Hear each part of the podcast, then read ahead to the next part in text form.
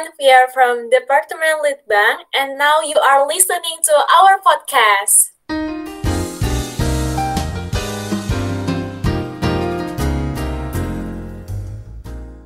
Hai, kenalin nama aku Abin. Dan nama aku Olga. Kami berdua dari jurusan Sastra Inggris dan angkatan 2020. Kami berdua di sini adalah host dari podcast ini.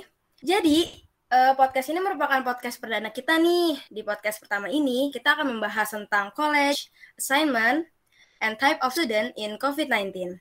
Tapi kita nggak cuma berdua aja nih. Kita kedatangan ke, kedatangan dua senior kita, yaitu Kak Widya dan Kak Ragita dari Angkatan 17. Selamat malam Kak Widya, dan selamat malam Kak Ragita. Halo, malam semuanya. Malam, halo. Halo, gimana nih kabarnya Kak Widya? Baik, alhamdulillah. Alhamdulillah. Kalau Kak Ragita gimana kabarnya, Kak? Sama, alhamdulillah baik juga. alhamdulillah baik ya. Nah, jadi uh, di sini kan kita mau ngebahas tentang perkuliahan ya nih, Kak. Nah, aku sama Abin itu kita berdua ini angkatan corona gitu, Kak. Jadi kami berdua kurang tahu rasanya kuliah offline tuh kayak gimana sih. Tiap hari kan online mulu ya, duduk terus. Jadi gimana sih Kak uh, rasanya kuliah offline? Mungkin bisa di sharing-sharing gitu Kak. Kuliah offline, kuliah offline itu pasti beda banget sama online kan.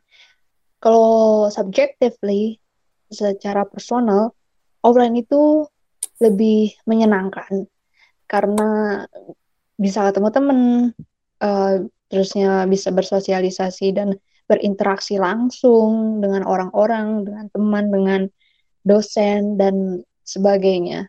Dan vibe kuliahnya itu vibe belajarnya itu lebih berasa. Dan pastinya lebih semangat jauh lebih semangat offline daripada online. Jadi uh, Kak Ragita lebih milih offline ya Kak ya? Tapi emang kalau online nih emang bikin sakit pinggang sih Kak. Banyak bener bener. sih. bener banget. Uh, kalau Kak Widya sendiri lebih prefer kuliah offline apa online, Kak? Oke, okay. sebenarnya generally sama sih kayak Ragita. Kalau misalnya mau ditanya offline atau online, sebenarnya lebih fun itu pas offline. But actually both of them have advantages and disadvantages. But personally, I prefer online class because first, it gives me more college vibes. Like, uh, kalau aku tuh lebih kayak ngerasa more serious uh, pas offline class dibanding online class kayak kualitas belajar aku tuh lebih gimana ya lebih lebih better uh, better di offline class daripada di online class. Another thing I can socialize with my friends, uh, joining many events, and it eases me in many aspects. Uh, kalau misalnya online itu many distractions juga, terus I spend most of my time in front of laptop gitu. Jadi kayak rusak mata juga, terus sakit pinggang tadi dibilang sama Olga, terus uh, kalau misal uh, sakit punggung juga, terus uh, kenapa pilih lebih uh, offline, pilih lebih suka offline, sorry, maksudnya lebih suka offline tuh karena apa yang dijelasin sama dosen tuh kita jadi kayak lebih apa ya, lebih menyerap dengan baik gitu daripada pas online karena kita hanya melihat di satu objek aja itu laptop gitu. Kalau nggak HP. Terus kalau misalkan uh, offline kita masih bisa diskusi. Misalnya kita nggak ngerti kita bisa langsung tanya ke dosen gitu. Atau enggak ke teman yang ada di sebelah kita. Tapi kalau misalnya online we only concern to one object. Jadi kayak menurut aku itu kurang memberikan kualitas baik di dalam proses belajar aku gitu. Oh berarti kalau misalkan offline itu lebih uh, maksimal ya kak belajarnya ya kak that's it. Jadi kayak kualitasnya tuh jadi kualitas. Mesti proses belajar aku tuh jadi lebih baik gitu uh, pas offline. Oh iya iya. Beda banget ya sama online ya kayaknya. Iya benar benar. Oke okay. uh, I also have a question for Kak Ragita. Uh, Kak Ragita uh, which one that have more task? Which one that have more tasks and what type of assignment are often given um, tasks between offline and online as far as I remember keduanya itu balance sih. Keduanya itu punya porsinya masing-masing. Terus kalau apa namanya tugas yang lebih banyak diberikan itu pasti yang namanya kita sebagai mahasiswa dan mahasiswi yang bergelut dalam bidang sastra itu udah pasti analisis analisis karya sastra entah novel atau naskah drama, puisi. Kemudian analisisnya itu bisa juga dalam bentuk maybe essay, terus artikel dan sebenarnya tugas tugasnya itu lebih diverse kalau kita offline. Kenapa? Karena e, contohnya ya, contohnya kalau offline itu tugas yang dikasih do, e, dosen tuh lebih beragam. Misalnya ada drama, kita pentas drama di teater, terusnya ada juga bikin video. Videonya tuh bener-bener video di suatu tempat, ada latarnya bukan video pakai Zoom atau Gmeet itu bener-bener kita bikin video, terusnya speak English langsung, kayak gitu sih. Jadi tugasnya nggak jauh-jauh dari paper ya kak, tapi dan lebih menarik juga sih kayak bikin video secara langsung gitu-gitu kayak seru deh kak. Kalau online iya, emang bener banget sih. Iya kalau misalkan offline lebih diverse, nggak hanya paper paper kalau online kebanyakan paper bikinnya, tapi kalau offline itu lebih diverse, lebih beragam. Lebih seru juga ya kak ya. Banget, seru banget um, ngomong-ngomong kayak tadi acara acara kayak semacam bikin video gitu-gitu, aku jadi pengen mau nanya nih ke Kak Widya. Biasanya tuh ada acara-acara apa sih yang diselenggarain sama departemen pas lagi offline? Boleh di-sharing, Kak? Uh, oke. Okay. Kalau tentang acara gitu, there are actually a lot of events that is held by our department. Contohnya kayak uh, sekarang kan kalian lagi ini ya pengen ELD camp ya. Nah itu tuh salah satu contoh uh, event yang diadain di uh, acara di departemen gitu tuh kayak annual event gitu nggak sih? Kalau misalnya ELD camp tuh aim to know each other, creating uh, bonding kayak gitu. Terus, nah kalau di HMJ juga tuh biasanya every departments atau every divisions has their own events atau programs. Kayak misalkan link sosek uh, webinar tentang lingkungan atau street feeding waktu itu. Terus charity gitu. Terus uh, litbang biasanya kita ada kunjungan ke English Club atau biasanya kita ke At America gitu. Terus having discussion related to our major. Terus kita juga bisa pernah uh, going to art museum. Itu dari Sunboot terus acara-acara keagamaan juga. Terus sport. Nah tapi outside of our department events we can also explore uh, to the uh, kita juga bisa explore gitu. There are many events out there yang ki bisa kita ikutin gitu buat develop our skill. Jadi nggak terbatas hanya di uh, departemen kita aja sih, tapi uh, more and less kalau misalnya dari departemen kita uh, biasanya diadainnya sama HMJ sih. Kayak yang tadi aku sebutin kayak gitu. Oh, berarti banyak banget ya kayak event-event yang uh, buat jadi pengalaman, buat kita belajar gitu ya kak. Iya benar banget. Apalagi kita juga bisa praktekin English skill kita by joining competition atau enggak uh, kita join kayak uh, bikin short story atau enggak speech competition, debate kayak gitu banyak banyak banget kan kayak gitu yang diadain dari univ-univ lain. Nah itu tuh bisa jadi platform kita buat develop our skill juga. Oh seru banget ya kayak. Ya keren banget sih itu kita kan online jadi kurang ada ya lomba-lomba kayak gitu. Paling kalaupun lomba online ya kak. Secara online. Iya. nah nah itu kan tadi uh, event pas offline ya kak ya. Nah aku mau nanya nih sama karya kita tentang online class experience. Uh, karya kita how was your online class experience looks like? And it is easy for you to adapt. Talking about online class experience, um, mine um, wasn't that good. Tidak terlalu baik karena uh, membosankan, terusnya monoton dan seperti yang udah disebutkan sebelumnya itu bikin sakit punggung, sakit pinggang itu itu benar terjadi.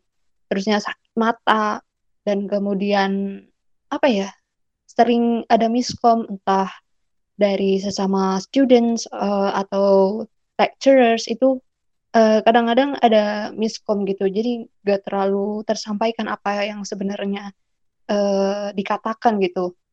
Terus um, it is uh, is it easy to adapt? I think every transition itu pasti sulit ya kayak transition dari something that uh, we used to do atau we used to be ke something brand new itu pasti susah banget. Gak mungkin uh, langsung bisa beradaptasi karena keadaannya situasinya itu udah berbeda 180 derajat. Oh iya kak. Offline sama online perbedaannya jauh banget ya kak ya? Jauh jauh banget. Hmm, berarti perlu waktu gitu ya untuk bisa beradaptasi, perlu waktu proses gitu untuk beradaptasi. Iya, oh iya iya. Uh, I also want to ask again for Karagita. Uh, Karagita, uh, is mm-hmm. being active or participate at an organization like LSO or UKM is a good choice for students? And what you suggest us to do for being active, but also have a good grade? um, is being active or participated at an organization uh, good or bad I think it depends on the individual. Itu tergantung individual individualnya masing-masing gitu. Tapi personally subjectively I will say that it is good. Is it it is a good choice because we can improve our leadership. Terusnya uh, kita bisa memperluas koneksi terus kita bisa jadi meningkatkan apa namanya creative thinking dan sebagainya. Kayaknya kalau itu kita harus bikin prioritas ya. Maksudnya ketika kita udah masuk kuliah berarti kan prioritas kita kuliah bukan organisasi dong. Organisasi itu hanya sebagai pendukung kita, pendukung untuk meningkatkan skill atau kapabilitas dan sebagainya. Jadi yang harus diutamakan ya memang kuliahnya, jangan yang diutamakan itu organisasinya. Organisasi penting, penting. It is also important. Tapi harus bisa manage waktu. Misalkan hari ini ada rapat, terus tapi besok nih ada tugas yang harus dikumpulin. Nah, kita bisa cari-cari waktu untuk kerjain tugas dulu, terusnya kemudian rapat. Pokoknya jangan sampai uh, mendahului akadem uh, mendahului akademik gitu. Akademik harus yang paling pertama dan kemudian organisasi selanjutnya. Kayak gitu. Intinya kita harus tahu prioritas yang mana dulu ya, Kak ya. Iya, prioritasnya kalau uh, dari aku ya prioritasnya ya kuliah bukan organisasi tapi kalau dan bukan maksudnya organisasi tidak penting itu juga penting kalau kalian udah masuk dalam organisasi juga harus bertanggung jawab. Dan pokoknya harus balance keduanya. Tapi e, porsinya harus lebih ditingkatkan ke yang akademik. Hmm, iya sih kak setuju. Karena apa ya karena kan tujuannya juga kita masuk kuliah ya buat belajar kan. Iya betul. Organisasi kan buat pengalaman juga. Mm-hmm. betul um, sekali. aku pengen nanya nih ke Kak Widya. Kak kan ada rumor-rumornya nih kita yang angkatan 20 sama 21 alias yang semester 1 sama semester 3 itu tuh mau ada kuliah offline. Karena kan emang kita dua angkatan ini belum pernah kan sama sekali. Menurut uh, Kak Widya nih ada nggak sih kayak advice gitu buat kita gitu? Apa yang harus kita siapin nih sama pokoknya buat persiapan offline gitu Oke, okay, tapi semoga nggak rumor aja sih ya, tapi semoga aja emang bener nanti lanjut kuliah offline. Uh, personally, menurut aku kan ini uh, transition ya dari online ke offline. First and foremost, know your surroundings, know your surrounding dulu sih kayak uh, perhatikan sekeliling uh, teman-teman gitu gimana kayak kampusnya terus teman-temannya terus kayak uh, tahulah environmentnya kayak gimana kayak gitu terus uh, do not feel shame to get acquainted kayak jangan malu buat kenalan atau to know each other to know your friend lecturer atau uh, apa pun uh, regarding your college and major. For instance simply like raising your hand in class atau uh, nanya ke dosen ketika kamu nggak tahu gitu atau ya jangan malu-malu lah sama orang-orang gitu. Maksudnya jangan malu-malu juga sama teman-teman baru gitu. Terus explore new things gitu. Terus juga uh, essential thing prepare your energy your mental uh, keep your ambition and determination to do the best version of you. Because I think we need a strong determination to survive. Uh, kayak yang tadi Ragita bilang juga kayak antara organisasi dan akademik itu juga kita harus prepare kayak uh, bagi waktu juga untuk organisasi dan akademik while you keep your mental still sane and one important thing juga don't force yourself don't be so hard on yourself. I mean be productive but know your limit gitu. Jadi kayak uh, berlomba-lomba gitu. Kayak be the best version of you aja gitu. Kayak misalkan uh, lu mampunya segini ya udah tapi jangan terlalu kayak force yourself untuk bersaing kayak gitu. Menurut aku sih kayak be the best version of you but still having strong determination to survive and struggle. Jadi biar hasilnya juga sesuai dengan apa yang kamu mau gitu. Oh iya iya berarti tuh uh, intinya tuh kita tuh harus lebih aktif dan juga berani gitu ya kak untuk memulai hal baru ya kak. Iya benar. Pertama-tama sih kayak uh, menurut aku ya personally uh, kayak gitu sih. Oh iya iya iya. Mungkin nanti bisa dicoba kali ya sama para listener nih kalau udah mulai kuliah offline. I also have a question again for Karagita. Uh, Karagita, uh, are there any opportunities to build leadership skills on campus? Indeed, there are many um, opportunities to build our leadership Uh, contohnya dari tingkatan yang paling rendah gitu, low level, itu kan ada HMJ ya, dari tingkatan jurusan. Kemudian naik lagi ada DEMA fakultas, DEMA fakultas atau enggak bisa ikut SEMA. Terus ada lagi DEMA UNIF yang paling tinggi kalau nggak salah. Sebenarnya dari dari situ kita bisa opportunities uh, banyak. Uh, dan dari situ kita bisa ikut kok untuk mengembangkan leadership terusnya nggak hanya leadership sih bisa creative thinking terusnya uh, communication dan sebagainya. Banyak sih kalau uh, di dalam lingkup itu ya di dalam lingkup kampus atau universitas. Tapi kalau mau mencari yang di luar universitas atau kampus juga lebih banyak lagi dan bisa dicari-cari.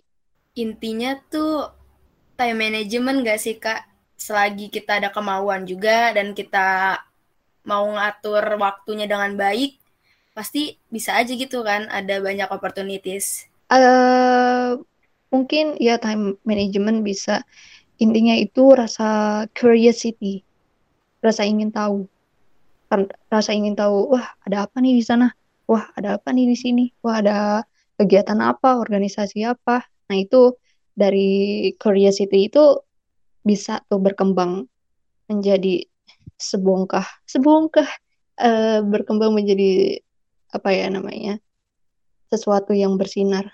Asik.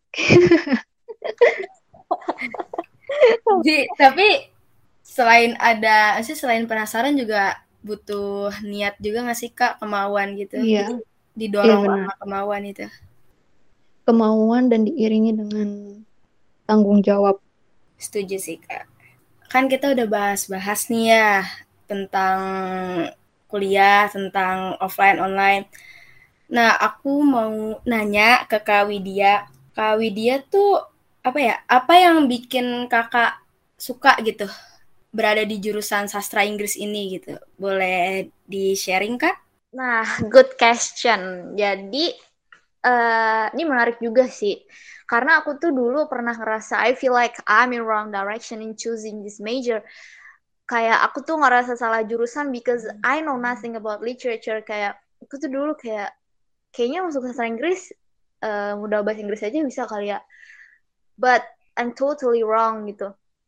Ternyata belajar literature tuh bisa seluas itu loh. Apalagi kita juga belajar linguistics yang kayak gue belum pernah belajar ini sebelumnya gitu. Apalagi ada istilah-istilah mata kuliah yang belum pernah gue denger gitu. Nah as far as I learn literature ternyata gue nemu nih sesuatu yang gue suka gitu. Kalau aku kan concern di woman issue ya aku tuh suka kayak belajar woman issue gitu. Nah ternyata di sastra tuh uh, kita bisa loh belajar woman issue through literature gitu.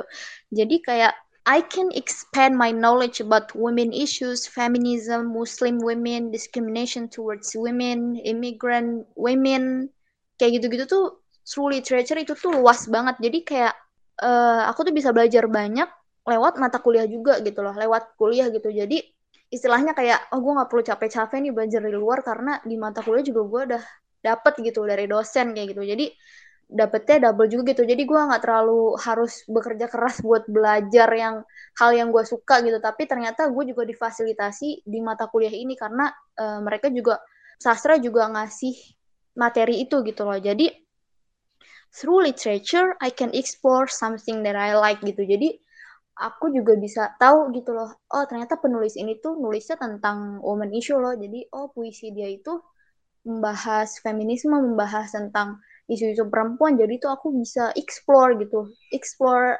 something that I like aja gitu. Jadi kayak ngalir oh jadi kayak gini ya. Jadi kayak kayak yang aku suka tuh bisa difasilitasi gitu. Terus I discover many new terms that I haven't heard before. Jadi kayak since I learn literature I'm happy because it is widening knowledge. Kayak sesuatu yang belum aku pernah dengar contohnya kayak Bildungsroman kayak gitu tuh kayak oh ternyata aku tahu dari sastra dari belajar sastra kayak gitu. Itu contoh kecilnya aja sih kayak gitu. Jadi berawal dari apa ya kayak merasa salah jurusan ternyata membawa berkah ya kak? Iya bisa dibilang kayak gitu juga sih. Ngalir aja sih kayak flow gitu. Oh lama-lama gue jadi suka gitu karena ada sesuatu yang gue suka di dalam itu gitu. Hmm, iya sih kak. Emang karena sastra kan juga cakupannya luas. Jadi kita bisa bisa istilahnya kayak bisa awake lah sama masalah-masalah yang di sekitar kita isu kayak isu perempuan juga kan ya. That's it. Jadi diverse gitu. Um, kalau menurut kak Ragita gimana? Kakak apa nih yang disukain gitu dari sastra Inggris ini nih jurusan kakak? Yang disukai kurang lebih kurang lebih sama kayak Widya. Karena um, batas gak ada batasan gitu dalam ilmunya. Apa aja apa aja bisa kita teliti bisa kita analisis. Terus kita juga akan belajar ada juga filsafat yang menjadi pondasi ilmu pengetahuan dan kita belajar itu di dalam sastra. Lebih diverse sih uh, apa namanya uh, mata kuliahnya. Terus lebih enak aja gitu karena kalau orang kan uh, ini apa namanya asumsinya gitu kan orang masuk sastra atau anak sastra itu pasti apa sih paling nulis bikin puisi atau enggak baca novel. Paling kayak kayak, gitu kan ah gampang. Uh, anak sastra anak sastra mah kayak gini kayak gitu. Padahal enggak secetek itu. Sastra itu jauh lebih dalam menembus inti bumi. Anjir enggak enggak ya pokoknya kayak gitu. Lebih diverse. Dan itu yang bikin menarik. Oh iya ya, berarti banyak ya Kak yang bisa dibahas di jurusan sastra Inggris itu. Karena cakupannya juga luas, gak cuma belajar bahasa Inggris doang, tapi kita bisa explore kayak seperti what you like as a feminist issue, explore knowledge, dan gak ada batasannya juga seperti hal lainnya yang kakak-kakak tadi sebutkan tadi ya. Iya, terus ya envir uh, environment juga bisa uh, kita pelajari, ada nanti teorinya, terus kita bisa belajar tentang media culture, kita bisa di dalam media culture itu kita bisa apa namanya belajar mengenai YouTube atau Instagram dan uh, lain sebagainya. Seru sih. Iya seru ya, as long as kita punya kemauan gitu buat belajar, buat pengen tahu lebih. Uh, last question nih kak, by the way, uh, if you could go back to the time when you still freshman, what would you like to do or convey for Kak Ragita? What would I like to do if I go back to the freshman year? Maybe um, I would do a lot of things. Maksudnya uh, semester satu kan bisa dibilang masih mudah ya, mudah matkul yang mudah. Bahkan ada orang yang bilang ah semester satu mah belajarnya masih kayak les kayak gitu kan. Nah, karena masih gampang dan mudah untuk di untuk kita catch up uh, subjeknya. Nah, seba sebenarnya dan sebaiknya itu kita coba hal-hal baru di luar kelas gitu. Misalkan ikut lomba, ikut apa ya, organisasi atau uh, ikut-ikut diskusi yang lain untuk memperluas uh, sudut pandang dan wawasan juga. Pengen kalau misalkan go back ke freshman year pengennya lebih banyak explore hal-hal baru. Karena kalau udah masuk ke tingkatan semester 3, semester 4, wah itu udah udah sulit banget. Buk eh, mungkin ya ini uh, secara pribadi ya. Udah sulit karena udah ikut um, apa namanya HMJ terusnya tugas-tugasnya udah mulai ribet. Nah kayak gitu untuk uh, manage waktunya jadi uh, quite hard. Jadi harus benar-benar apa ya benar-benar ekstra banget ya kak ya? Benar. Tapi emang aku juga pernah dengar katanya juga kata orang kuliah yang sebenarnya tuh dimulai dari semester 3 jadi semester 1 sama 2 kayak Kak Ragita tadi ngomong juga kayak les gitu gak sih Kak? Kayak les. kayak bimbel. gitu. ya, kayak bimbel iya. aja kan. Um, Oke, okay. uh, uh, wah setelah kita mendengar banyak penjelasan dari Kak Widya dan Kak Ragita, berasa terbuka banget gitu tentang terbuka banget pemikiran kita tentang jurusan kita sendiri kita juga banyak dapat informasi dan ilmu yang kita dapat gitu dari hari ini gitu dari Karagita dan Kawidia. Ya kan enggak? Iya bener banget tuh Win. Uh, makasih banget ya buat Kak Widya sama Kak Ragita udah nyempetin banget waktunya buat bikin podcast hari ini. Sama-sama. Uh, kami minta maaf kalau misalkan ada pembahasan di podcast ini ada yang sensitif atau ada satu dua omongan yang menyinggung. But I hope you guys enjoying today's podcast. Also, thank you for listening to our podcast. Hope you guys like it. See ya.